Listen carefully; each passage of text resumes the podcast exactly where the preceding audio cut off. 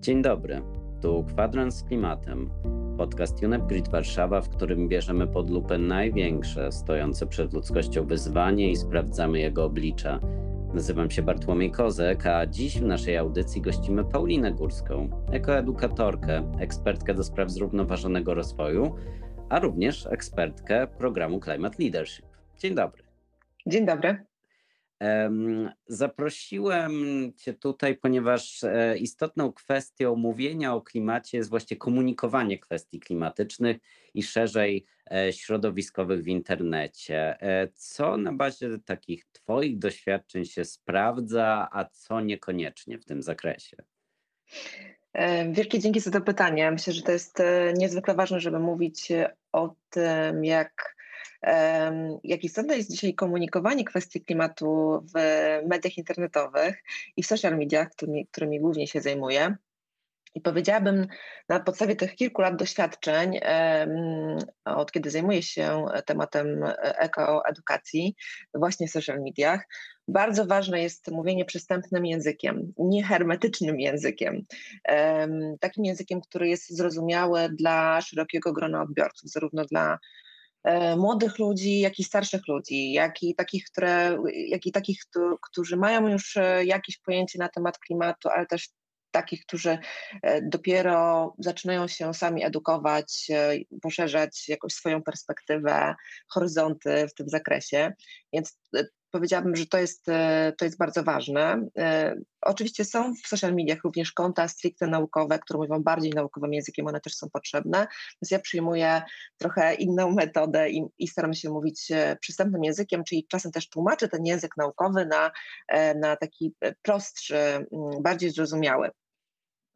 Powiedziałabym również, że bardzo ważne z mojej perspektywy i, i, też dla mnie osobiście ważne w mojej działalności jest opieranie się na danych i na nauce, e, a nie na własnych opiniach. Oczywiście czasem też wyrażam swoje opinie, ale kiedy przekazuję mm, jakieś najważniejsze informacje z raportu, e, albo mówię o tym, co się w danym momencie ważnego dzieje gdzieś na świecie czy w Polsce i staram się podsumować e, te informacje, e, albo nie wiem, staram się też podsumować na przykład raport IPCC najnowszy, to tutaj opieram się przede wszystkim na danych. Staram się, żeby to, o czym mówię, w jaki sposób mówię, żeby to było merytoryczne. Więc powiedziałabym, że, że to, jest, to jest super ważne. Um, I myślę, że takim słowem kluczem, które jest dzisiaj coraz bardziej istotne i będzie jeszcze bardziej istotne w kolejnych latach, jest transparentność. E, I transparentność e, zarówno e, przede wszystkim w mówieniu o tym, co robi biznes, bo ciężko jest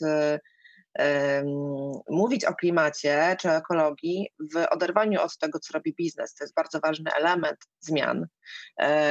Więc e, kiedy kiedy obserwuję to, w jaki sposób komunikuje się biznes, firmy, przedsiębiorstwa, marki, to myślę, że tutaj potrzebujemy bardzo dużo transparentności e, i konkretów e, i takiego jasnego wyrażania celów, jasnego deklarowania tego, co firma robi, co ma zamiar zrobić, a też co zrobiła, co jej wyszło, co jej nie wyszło. To też jest na przykład mówienie o porażkach w, w, w taki sposób właśnie e, transparentny.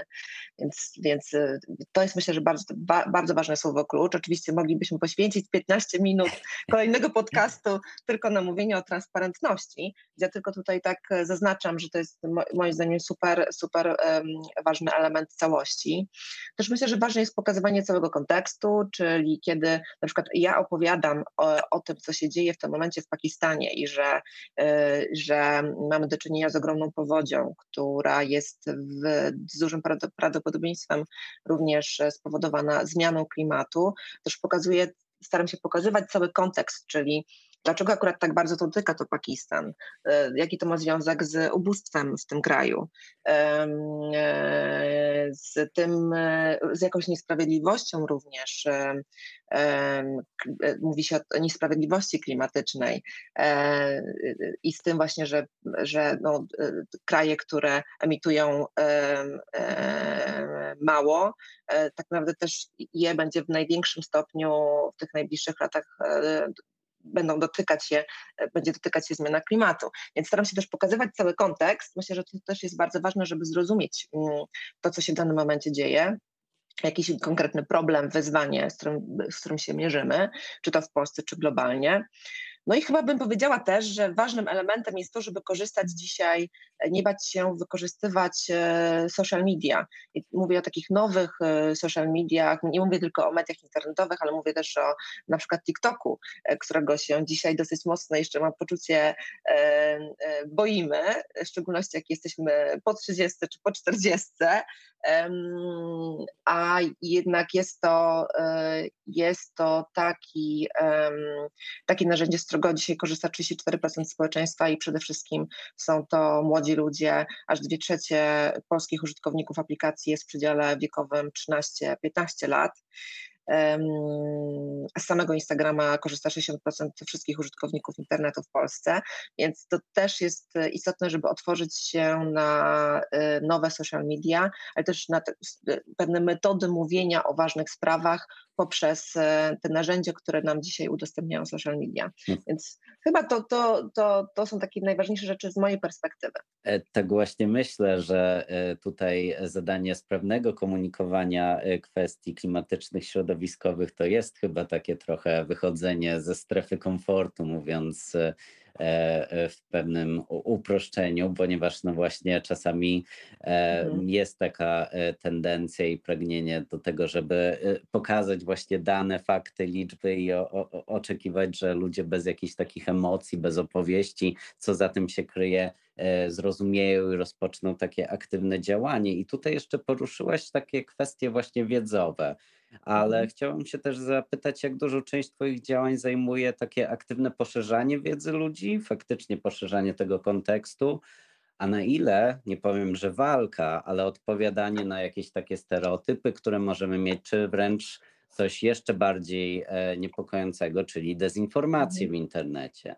E, jak dużą część właśnie e, te, tego poszerzania wiedzy i działań w internecie to jest poszerzanie tej wiedzy, a jak duża część to jest prostowanie niejako takich innych narracji, innych opowieści o, o klimacie czy o stanie środowiska.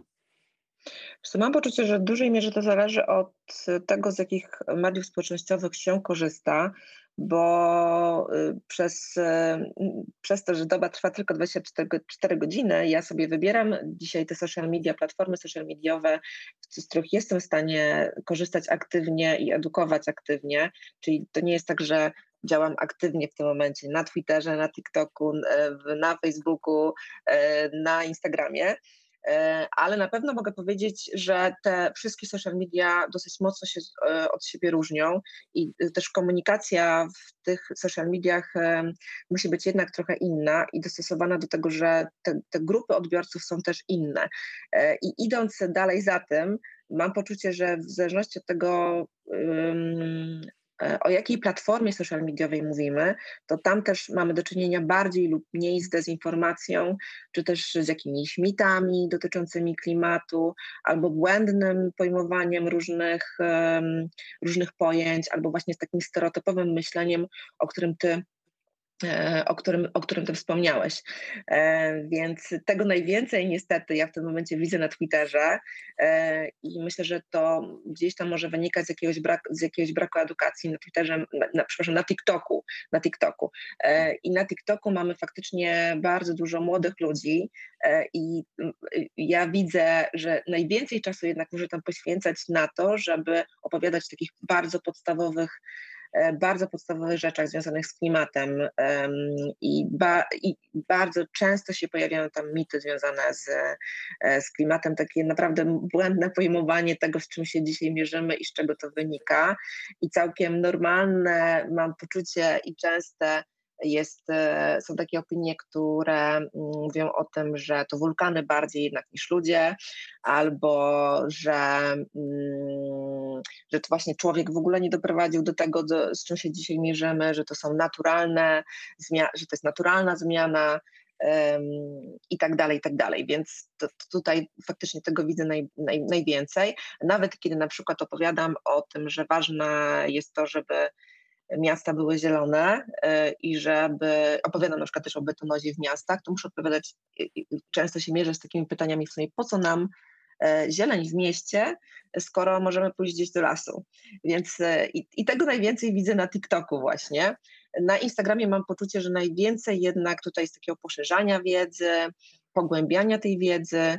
Mam taką społeczność, która już jest dosyć mocno, yy, myślę, że wyedukowana. Ona chce po prostu wiedzieć więcej, chce się bardziej edukować, ale te podstawy, yy, te podstawy są znane. I jakbyś, jak, jakbyś mnie pytał o to, jaki procent albo jaki udział jest w tej mojej działalności e, pracy nad, e, nad, nad tym, żeby jakoś niwelować tą dezinformację czy stereotypowe myślenie, to pewnie bym powiedziała, że jakieś 20, może 30%. Ja się dosyć często odwołuję na przykład do, do dezinformacyjnych wypowiedzi polityków, czy też e, części publicystów, E, e, albo zajmuje się tym, żeby opowiedzieć historię, która jest, e, która jest prawdziwa, a gdzieś też dotyczy jakiegoś dezinformacyjnego newsa, który w danym, który w danym momencie jest bardzo popularny, czy jest takim zwanym wiralem w social mediach. E, i, i czasem się tym zajmuję, ale no, to też bardzo zależy jednak od tej platformy, z której w danym e, momencie e, korzystam. Chociaż mam czasem poczucie, że social media są trochę taką jednak tabloidyzacją na sterydach. I, i, i przez to mamy dużo mitów, dużo stereotypowego myślenia, dużo tej dezinformacji, niestety. Właśnie chciałem poruszyć ten temat e, innego typu mediów, e, biorąc mhm. pod uwagę, że no, e, część mediów takich tak zwanych tradycyjnych daje zresztą przestrzeń do politykom czy publicystom do szerzenia takich, delikatnie mówiąc, kontrowersyjnych opinii w kwestiach klimatycznych czy środowiskowych.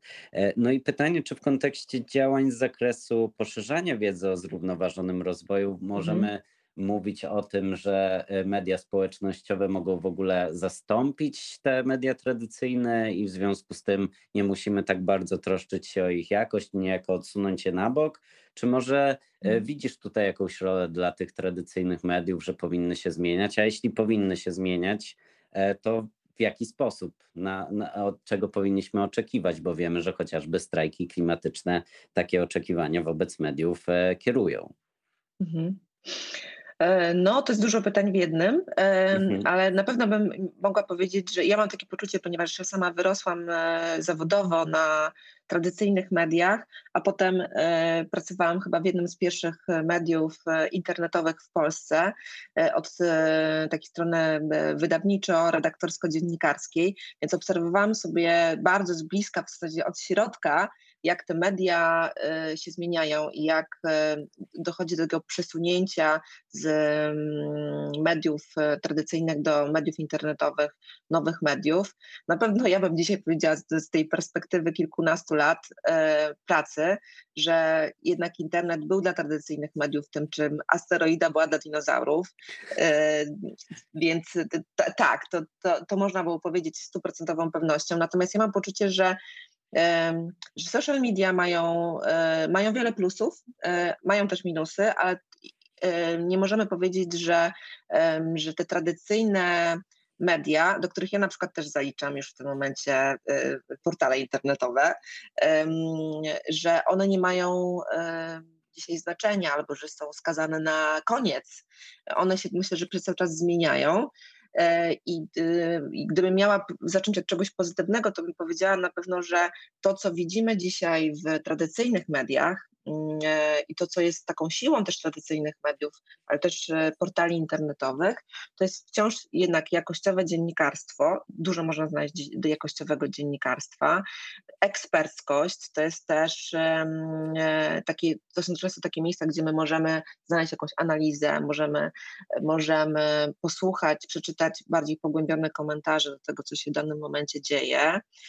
Możemy też doświadczyć takiego takiego dziennikarstwa śledczego, czego o wiele mniej my widzimy w social mediach, a z drugiej strony też social mediach, social media mają tą silną cechę, że tutaj mamy to tak zwane pojęcie citizen journalism, czyli tak naprawdę każdy z nas może być dziennikarzem. E, I to jest ta szybkość, też ta, ta adekwatność, e, to jest to, że, że jesteśmy w stanie obserwować wydarzenia z minuty na minutę dzięki social mediom. I tutaj nie są w stanie tradycyjne, tradycyjne media zastąpić e, social mediów. No nigdy, nigdy nie będą tak szybkie. Więc ja widzę tutaj, ja, raczej nie podchodziła do tego z takiej perspektywy, że social media na pewno zastąpią te tradycyjne media widzę dzisiaj dużo też tych dobrych, pozytywnych cech tradycyjnych, e, tradycyjnych mediów i mam wrażenie, że one trochę jednak są w stanie uzupełniać uzupełniać social media. Natomiast pamiętajmy o tym, że jednak e, trend jest taki, to jest taki mega trend powiedziałabym, że e, bardzo duża część społeczeństwa, czy to w Belgii, w Holandii, we Francji, ale też w krajach azjatyckich, dzisiaj z social mediów korzysta jako y, źródła informacji. I źródła informacji też, jeśli chodzi o newsy, i ten trend pewnie będzie się pogłębiał, tym bardziej, że e, myślę, że jak zapytamy typowego, standardowego 15-latka, to e, raczej e, można było powiedzieć z dużą dozą pewności, że że nie miał, czy też nie miała w ręku gazety. I, i, i tak też to będzie pewnie wyglądać w przyszłości. Więc myślę, że to jest niesamowicie szeroki temat. Mm, I social media mają super dużo, mają bardzo dużo plusów, e, ale no nie są w stanie mm, e, zastąpić na wszystkich polach tradycyjnych, tradycyjnych mediów. No to trzymajmy kciuki za to, żeby w kolejnych latach do takiej równowagi między różnego rodzaju mediami jako źródłami informacji udawało się dochodzić i bardzo dziękuję za ten głos. E, w kwadransie z klimatem podcaście UNEP Grid Warszawa gościła Paulina Górska, ekoedukatorka, ekspertka do spraw zrównoważonego rozwoju, ale również ekspertka programu Climate Leadership. Jeśli chcecie słuchać więcej podobnych rozmów, zapraszamy do śledzenia naszej audycji w najpopularniejszych serwisach podcastowych. Przy mikrofonie Bartłomiej Kozek. Do usłyszenia w kolejnym odcinku.